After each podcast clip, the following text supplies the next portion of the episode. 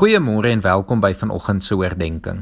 Ek wil vanoggend vir jou vra om na te dink oor die volgende vraag: Hoe sou die wêreld gelyk het as elke persoon wat sê hulle glo in Jesus en is sy volgeling ook geleef het soos hy vir ons geleer het? Dit is nie maklik om vir Jesus te volg nie.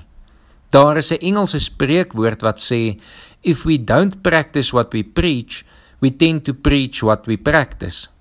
En dit gebeur vandag. Daar word te dikwels deur gelowiges net gefokus op die makliker dinge wat Jesus gesê het. Maar sê nou ons sou die spanning van ons eie skynheiligheid vir 'n oomblik verdra en Jesus vat, rou sonder die soetkerksousie, so vry en moeilik soos die vier evangelies hom vir ons gee. Hy het vreemde goed gedoen. Jesus het byvoorbeeld 'n groter probleem gehad met godsdienstiges as met sondaars. In die antieke Joodse konteks kon jy mense letterlik in een van twee groepe indeel. Die klassieke godsdienstiges, die Fariseërs, die Sadduseërs, die Seners en Selote en die klassieke sondaars, die tollenaars, prostituie, Samaritane en die Romeine. Die twee groepe het die uiterstes op die morele skaal verteenwoordig. Tog was al die argumente wat Jesus gehad het met die godsdienstiges en nie met die sondaars nie. Hy het empatie gehad met die sondaars, met die vrou wat op oorspel betrap is, met die tollenaars en selfs die besetenis. Soveel so dat hy 'n vraat en 'n wynsuiper, 'n vriend van tollenaars en sondaars genoem is. Toe Jesus die tafels omgegooi het, was dit nie by die drinkplek of die bordeel nie, maar by die tempel. Hy eet saam met tollenaars en gaan tuis in 'n Samaritaanse dorpie. Die godsdienstiges van daardie tyd was so ontsteld omdat hy genade gehad het vir mense wat in die uitgroep was, mense wat nie by die tempel welkom was nie. Maar in 'n sin is dit nog niks. Volgens al vier die evangelies het Jesus ook 'n groter probleem gehad met rykdom as met armoede. Dis 'n skrille kontras met ons wêreld waar armoede gesien word as die probleem en rykdom as die groot antwoord.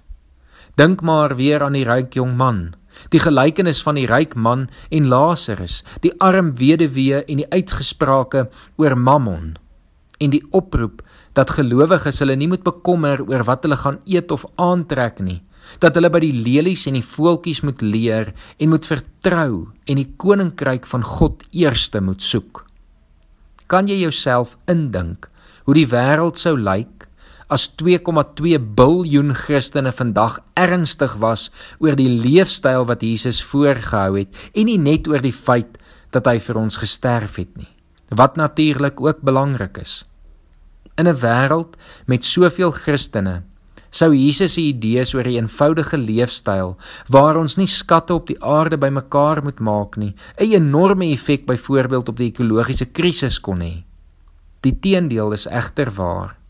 Vir baie gelowiges gaan die Christelike geloof dikwels in die eerste plek oor hoe ons ons geloof verwoord, oor hoe ons uiteindelik maar net in die hemel kan kom.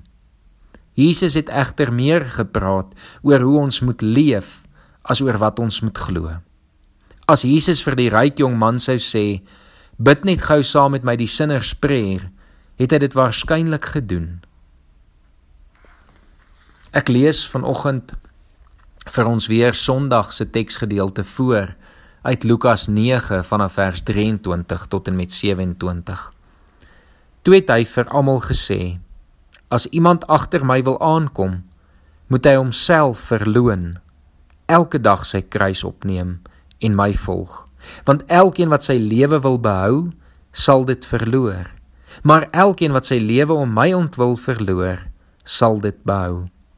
Wat help dit 'n mens as hy die hele wêreld as wins verkry, maar homself verloor of te gronde gaan? Elkeen wat hom vir my en my woorde skaam, vir hom sal die seun van die mens hom ook skaam wanneer hy kom, bekleë met sy heerlikheid en die heerlikheid van die Vader en van die heilige engele. Ek sê vir julle die waarheid. Daar is party van die wat hier staan wat beslis nie sal sterf voordat hulle die koninkryk van God gesien het nie. Kom ons bid saam. Here, ons kom vanoggend na U toe.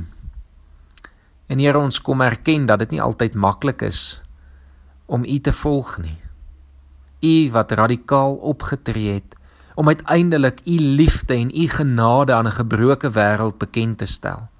En Here, as ons ernstig is om U te volg, weet ons ons moet in U voetspore trap. Maar ons weet ook in ons menslikheid is daar dikwels huiwering, dikwels onsekerheid. En Here, daarom kom vra ons, kom help ons, kom lei ons deur die Gees. Kom wys vir ons wat ons moet doen en waar ons moet verander.